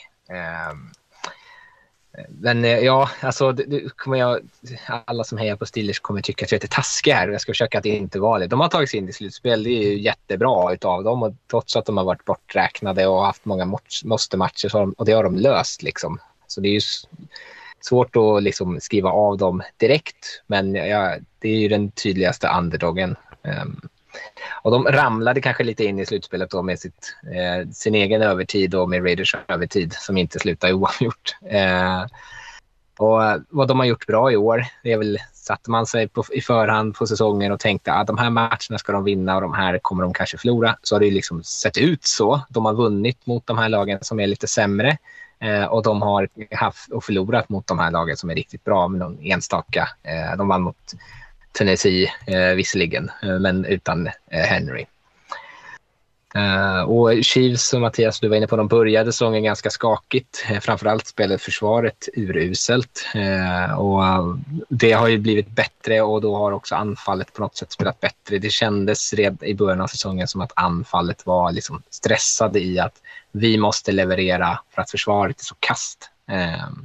Och eh, jag tror också att de blev lite tagna på sängen på hur försvaren ställde upp. Eh, för det var Tidigare har man liksom försökt pressa Mahomes för att få honom att ta dumma beslut. Man har kanske spelat lite för aggressivt. Och i år vad lag har gjort mot Chiefs är att de har backat bak, spelat med två safeties djupt så att de har tvungna att tugga långsamt, långa serier. Eh, och det var de inte vana vid. De har blivit bättre på, eller spelar det bättre nu och, och är tålmodigare i sitt anfall. Eh. Och eh, också, det här är också två lag som redan har mötts eh, vecka 16, så rätt nyligen också då på Arrowhead. Eh, och eh, ja, det var en ganska enformig tillställning. Chiefs vann med 36-10. Eh, det stod 30-0. Då var matchen liksom i stort sett avgjord. Eller i stort sett då var den avgjord. Den var nog avgjord tidigare än så. Eh, och då hade Steelers 119 yards eh, offensivt och det här var liksom i början av andra halvlek. Eh, så Steelers anfall fick ju liksom ingenting gjort. Eh, och jag tror att de kommer ha svårt också den här matchen. Eh, dels för att ja, dels för att jag inte har så stort förtroende för Ben Roethlisberger, men också för att de inte har den typen av anfall som kan utnyttja hålen i Chiefs försvar. Eh, Chiefs försvar är eh, Steve Spagnuolo, de är ganska eh, aggressiva, gillar att sätta press på kuben, gillar att blitza. Eh, Steelers offensiva linje hade och kommer ha problem med att eh, liksom stå emot det. Och de har inte den typen av passoffensiv att de kan kasta, liksom vinna på double moves och så bränna dem djupt. Eh, utan då kommer de vilja kasta snabba passningar, men det är ju precis det som Chiefs eh, secondary är beredd, beredda på. Eh, så jag tror att Steelers kommer ha ganska svårt att flytta bollen på det sättet. Eh, Chiefs å andra sidan, ja, senast hade de inte ens Kelsey och lyckades ändå flytta bollen jättebra eh, och ganska enkelt. Eh, mycket av passningarna gick, eh, inte, ja, de hade ju Tyreek Hill men han var inte så effektiv utan det var mer att de passade till sina running backs bland annat. Och för att vad lag gör och vad Steelers säkert kommer göra också är att man försöker plocka bort man, dels kör man sina två safeties djupt, men så försöker man plocka bort Travis Kelce, Tynan och man försöker plocka bort Tyreek Hill eh, och tvinga Chiefs vinna med sina andra vapen. Eh, och nu eh, när de möttes förra gången så spelade inte Steelers eh, linebacker, eh, vad heter han nu, Devin Bush. Så han, om han är där då kommer han kanske kunna markera running backs bättre än vad de gjorde. Eh, men det handlar ju om att tvingar Chiefs vinna med sina sämre spelare och sen ha ett försvar som är så pass bra att man eh, kan stoppa dem. Eh, och när man backar bak i, i de här too high eh, safety-spelen, liksom, vad man vill göra är ju att se till att Chiefs på något sätt straffar sig själva. Att man får fram ett, ett negativt springspel, man får fram, tvinga fram en holding penalty eller någonting annat som gör att Chiefs liksom hamnar bakom eh, the sticks. Liksom. Eh, och måste vara lite mer aggressiva och då kanske man kan få tillfälle liksom, eh, att plocka en interception. Mahomes har kastat en del konstiga passningar, framförallt tidigare, men han har, det har varit en riktigt del dumma beslut även nu. Det var bara att det inte har studsat eh, motståndets väg lika mycket. Eh, och Steelers har ju ett fantastiskt försvar, så att det ska bli 36 poäng, det tror jag inte. Jag tror att Steelers försvar kommer att spela bättre den här gången. Eh, och TJ Watt, som sagt, som du sa Mattias, tangerar ju rekordet i sax där, spelar ju på en fantastisk nivå. Eh, nivå. Han ställer mot, ställs upp mot eh, deras backup eh, tackle, eh, Andrew Wiley, och det, där är ju liksom en matchup som han kommer att vinna. Eh, no, den här eh, Chiefs-linjen är bra, men jag, jag, tror att de kommer att ha det svettigt eh, mot Steelers defensiva front. Så kanske inte blir såna här jättemycket poäng i den här matchen, men Chiefs kommer i alla fall kunna kasta upp tillräckligt mycket poäng och jag har verkligen svårt att se Steelers hänga med på det. Ja, jag är inne på, på det du avslutar med. Det tycker jag är jättespännande här. Just att TJ Watt ställer upp mot eh, Andrew Wiley och jag har ju prisat eh, Creed Dumper jättebra. En redan en av ligans bästa center och Trey Smith, mm. rookien här och Tooney i mitten bra och Lando Brown eh, left tackle. Helt okej okay, liksom. Men, men jag tror också de kommer få svettigt där för Tia Watt är det krävs så mycket på honom och kan han liksom få Mahomes att liksom ta lite tidiga förhastade beslut så, så kan det störa. Uh, men också vänder man på det, alltså Melvin Ingram här som kom in just, han kom från Pittsburgh också va? Uh, som, som är i mm. Chiefs ja. nu, har ju kommit in jättefint i, i, uh, i Chiefs här tillsammans med, då, med framförallt då Chris Jones och kanske Frank Clark då från, från uh, Seahawks där. mot Pittsburghs allt annat än än uh, duktig offensiv linje just nu så är det två defensiva linjer som faktiskt kan uh, äga den här matchen. Det är inte två pass rush då eftersom uh, Steelers ställer inte upp med uh, en tydlig front där. Så att jag tänker att det kan vara en nyckel i matchen också om man vill ha liksom för att Chiefs känns som klara favorit. Men vill man hitta någonting annat och liksom gotta ner sig i den här matchen då så är det just liksom defensiva linjen eller, eller pass rushen kommer eh, ge utdelning från båda lagen som kan vara intressant i denna tänker jag. Ja, och när du ändå är inne på det, då, eh, som att du nämnde alla andra, så tänker jag slänga in också Jaron Reed, deras defensive tackle, som, är, han, som gör väldigt mycket eh, skitjobb eh, mm. som inte syns. Och men framförallt är han bra mot spring. Eh, ja. Och det är ju det som Pittsburgh kommer behöva göra om de ska vinna matchen. Eh, och jag, jag, tror att de kommer ha svårt att flytta liksom, på den här line of scrimmage. Så då handlar det om att Najee Harris ska kunna så här, bryta en massa tacklingar och så. Men eh, i just springspelet så är Jaron Reed framförallt eh, eh, viktig i Chiefs försvar. Mm. Ja. Ja, nej, det, jag tror inte att det blir li riktigt lika stora siffror som eh, förra matchen. Eh, det är ju, säger nästan sig självt, det är ju svårt att, att, göra det en gång till. Men, och jag tror att det kanske blir lite jämnare just för att eh, jag, det som du, jag tyckte du sa en väldigt eh, klok sak där om Mahomes beslut här. Han har ju haft en del interceptions i, i första halvan av säsongen och sen har det liksom städat upp det och Chiefs har börjat vinna och se ut som gamla Chiefs igen. Men jag tycker nog att han har kastat väldigt mycket farliga bollar ändå och det är nog eh, mer tur än någonting annat att han har haft väldigt få turnovers här på senaste tiden. Jag skulle säga att han har haft åtminstone två passningar per match som har landat rakt i händerna på försvarare som mycket väl kunde ha varit interceptions och det har han haft nästan varje match. Så att han har ändå de där grejerna när de säger att de ska spela med tålamod för att försvaren ligger too high och de måste kasta de här korta passningarna. Han har inte jättemycket tålamod alla gånger med Holmes. Han vill ju, han vill ju, han vill ju trycka ner bollen ner plan och så, så har han inte kanske Hill på plan och han Kelsey kanske är dubblad så måste han lita på att liksom Byron Pringle är på rätt plats och de är inte riktigt överens. För ofta är det ju sådana grejer att det är timing-grejer ja. och sånt där. Det är ju inte så att Mahomes kastar till markerade receivers utan det är ju helt enkelt att han måste kasta de här svåra pass timing-passningarna till spelare som han inte känner sig 100% bekväm med och så blir det lite off. Uh, men det är fortfarande många sådana grejer i Chiefs anfall så att jag kan absolut tänka mig att Steelers försvar, uh, försvar kan producera lite turnovers här, särskilt med pressen som ni är inne på. Um, och då kan det bli lite jämnare, men Steelers är ju på tok för dåliga offensivt tror jag för att göra matcher där.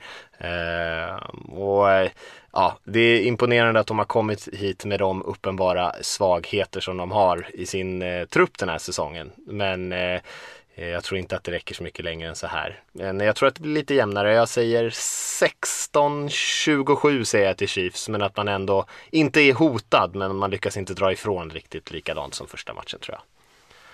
Jag satt precis och räknade på det här och skrev 27-16 till Chiefs. Så får han ta det att du fick börja. Så, eh, jag ändrar om och säger 31-30-19 säger jag. Ja, jag skulle gissa att det är någonting där i närheten också. Eh, 30 13 säger jag då bara för det, för jag tror att Steelers kommer eh, ha svårt eh, hela matchen. Mm. Mm. Ja, håller med. Vi har eh, sista matchen då, Cardinals eh, som spelar eh, mot Los Angeles Rams i Los Angeles och ehm, det är, de är divisionsrivaler.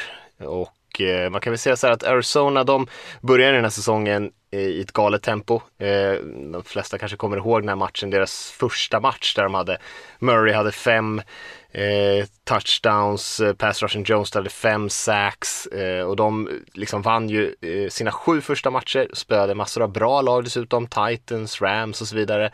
Eh, och sen fick ju Murray en skada eh, och de höll sig lite flytande där. Eh, men när han kom tillbaka så har de inte sett riktigt likadana ut och bland annat han hänger ju det också på att DeAndre Hopkins heller inte har spelat sen vecka 14. Han hade till och med lite skadeproblem innan det och man hoppas att han ska kunna komma tillbaka kanske någon gång till slutspelet och eh, vi får väl se, men inte till den här matchen. Eller i alla fall sagt att det är väldigt osannolikt att han kan spela liksom för en Championship-matchen i så fall.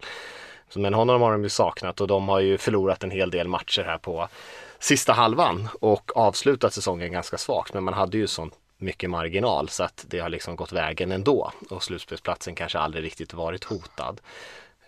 Um, och Rams kan man ju säga, de, jag tycker de har varit väldigt upp och ner kvalitetsmässigt men de har ju ändå vunnit mycket hela säsongen rakt igenom. Uh, Stafford fick ju en drömstart där uh, och man vann massor av matcher i början och och eh, har ju ändå hållit ihop det vinstmässigt under hela säsongen. Men jag tycker att det har varit lite upp och ner. Försvaret har spelat mindre bra ibland och ibland har eh, anfallet och kanske framförallt Stafford spelat mindre bra. Eh, Stafford har ju till exempel haft då sju interceptions här på de sista tre matcherna. Eh, men på det stora hela har han ju ändå varit väldigt bra sitt första år i Rams. Här. Det är ändå ett nytt system, ett nytt lag. Känns som att det inte är så många som har pratat om det.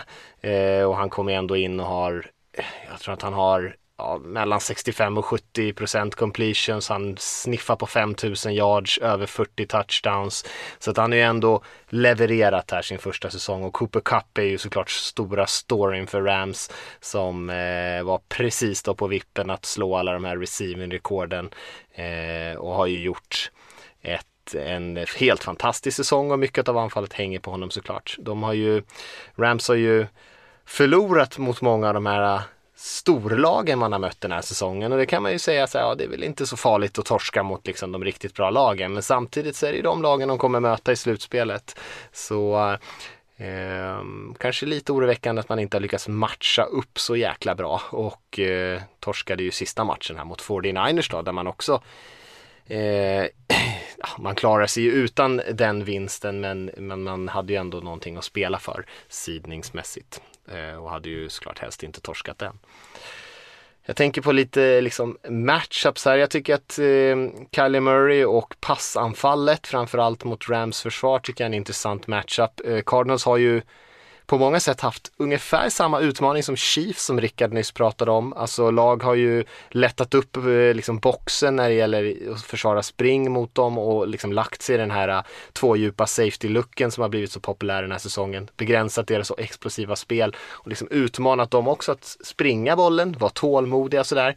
Eh, och Eh, man kan väl säga att skillnaden att Chiefs med Mahomes och Andy Reid och alla spelare de har, har ju liksom lyckats lösa det eh, över säsongen. Men det har ju inte riktigt eh, Kyler Murray och eh, Cliff Kingsbury, coachen och de andra spelarna där lyckats göra. Man har ju inte samma typ av talang kanske i anfallet, men man har ändå många duktiga spelare. Men man har inte riktigt hittat något motpiller på det där. Så att sen lag började liksom ställa om lite grann och, och, respektera det här explosiva passanfallet lite mer så har man inte riktigt kunnat kontra det. Eh, så det tycker jag är en intressant hur man lyckas med det här. Lyckas man springa bollen lite grann? Eh, kan man undvika misstagen? Och om när man har chansen att sätta något stort spel lyckas man med det. Eh, men det är svårt för dem utan eh, Hopkins mot det här Rams försvaret ändå. De, kommer inte ha så mycket klockrena matchups. Eh, sen är JJ Watt är ju en spelare som eh, är ju inte absolut inte i sin prime längre. Eh, kom ju till Cardinals den här säsongen men sen han klev av så har de ändå saknat någonting där. Det blivit svårare för spelarna runt omkring eh, och eh, ja, de har ändå saknat honom och han eh, ryktas försöka träna den här veckan och vi får se lite grann om han kommer till spel. Det är väl ganska osannolikt och om han gör det, vilken form är han i då?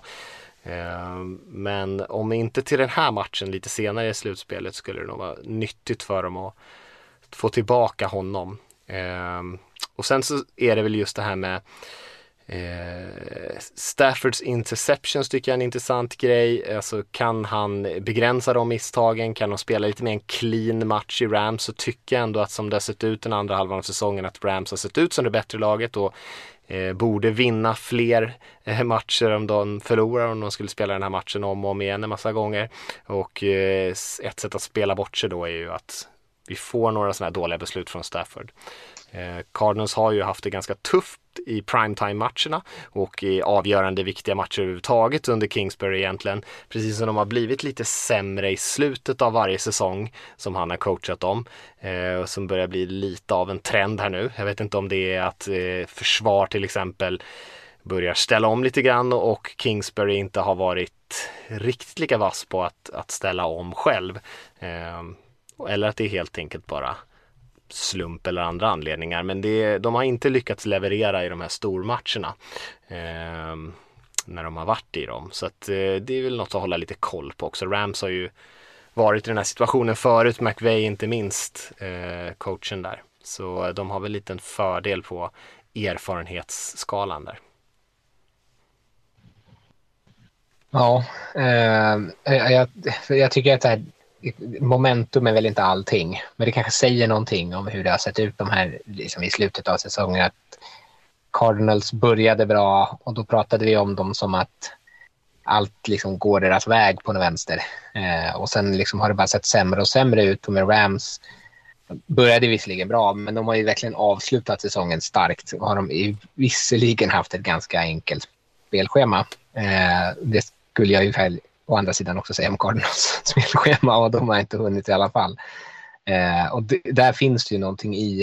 Eh, och, ja, Cardinals anfall är ju lite för beroende av att det ska liksom att det ska klicka på något vis och klickar det inte så som det har gjort så eh, kommer de ju ha svårt mot ett Rams som ändå har eh, en del sådana superstjärnor som kan ta över en match.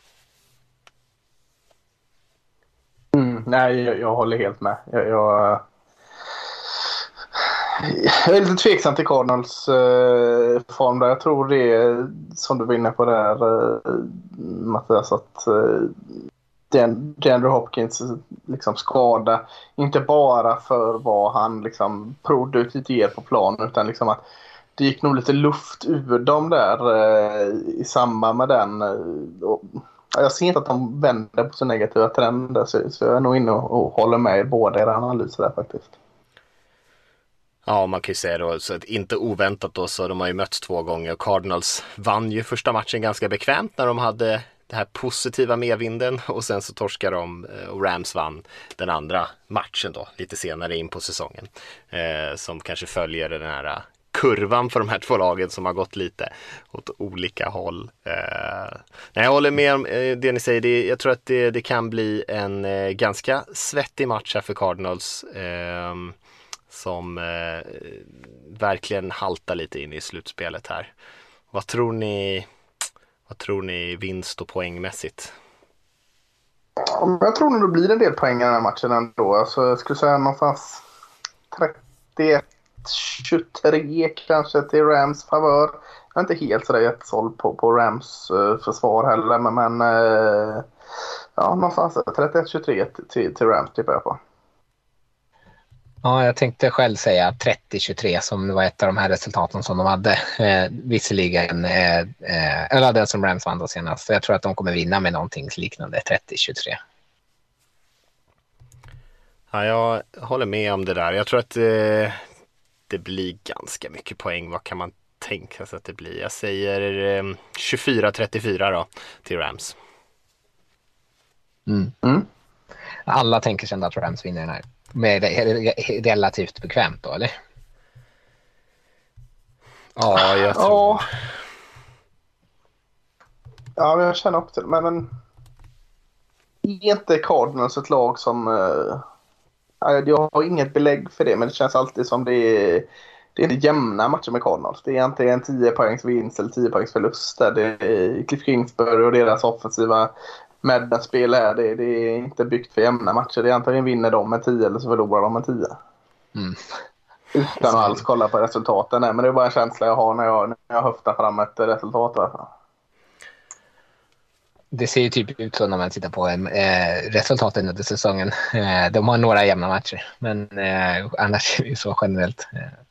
Ja. Det som jag kan tycka är lite av ett wildcard också, jag sa ju det att Cardinals anfall är lite, eller att hela laget egentligen är ganska opolitligt. Man vet inte riktigt vad man får, men jag tycker ju att man kan säga samma sak om Stafford då, som du var lite inne på Mattias, men jag tycker man kan vara lite ännu hårdare mot honom. Eh, att han, han kan ta en riktig sån här Carson Wentz eh, beslut eh, och, och det kommer ju kanske kunna kosta dem någonting. Men jag tror i slutändan så tror jag att spelare som typ Aaron Donald och Jalen Ramsey är, är liksom avgörande faktorer i den här eh, matchen. Mm. Ja, Mm. Och man kan väl säga att även Murray har ju en del eh, sådana här misstag också. Ja. Eh, som spelar ju med ganska hög risk, ibland för att han måste. Men eh, nej, jag håller med dig. Men jag, ja, vi verkar vara ganska överens där ändå på både matchbilden och eh, på vinnaren. Mm. Eh, ja men kul, det känns nu som att vi eh, gav de där matcherna en ganska gedigen genomgång ändå.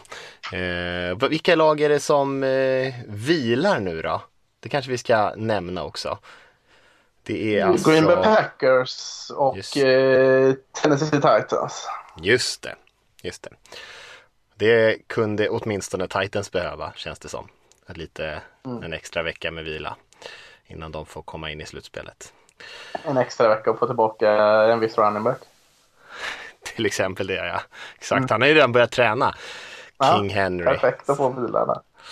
Verkligen. Eh, nej men grymt, vi är ju uppe här i, eh, vad vet inte, över en och en halv timme måste i alla fall det här avsnittet ha blivit. Så att vi kanske ska yeah. ta och runda av. Och eh, ska vi säga någonting Lasse om collegefinalen som en fin avslutning här? Vill du nämna något om det? Ja, du vill upp i 1,40 tänker du? du får 10 sekunder.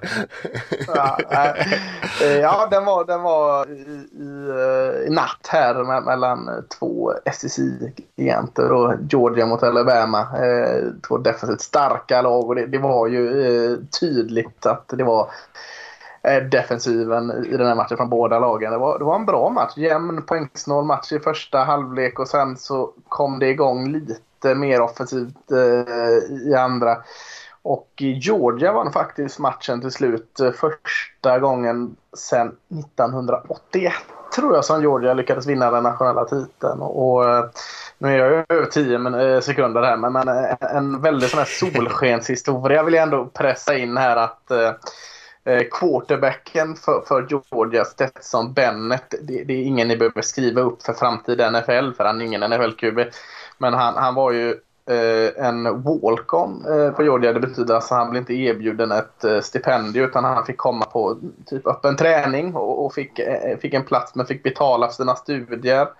Eh, var långt ner i depth-charten. Valde att flytta till en, en mindre skola i en mindre eh, division. Kom sen tillbaka lite när det krisade med skador men var ändå långt ner på depth-charten. Sen blev skador och skador och så sen så tog han den här platsen och han är född i Georgia. Han har de, de här bilderna som ramas in när han i liten pöjk, står i Georgia-tröja. Eh, Eh, och fick ju starta den här eh, finalen och större delen av säsongen och fick vinna då med Georgia från, från eh, så det var en smått magisk resa som avslutades på ett fantastiskt sätt där. Så, så eh, nej, Georgia eh, med, med tungt försvar vann denna. Och, och, den ligger ju på ESPN Player eh, fortfarande för att är ni intresserade av draften så är det nog en 10-15 försvarsspelare där som kommer gå ganska högt. Så, så in och kolla på den. Ja visst, och där kan man ju få en sån här sju dagars eh, free trial också om man inte haft den mm. sen innan. Så det, bör, det, kan ju till och med bli helt gratis i slutändan.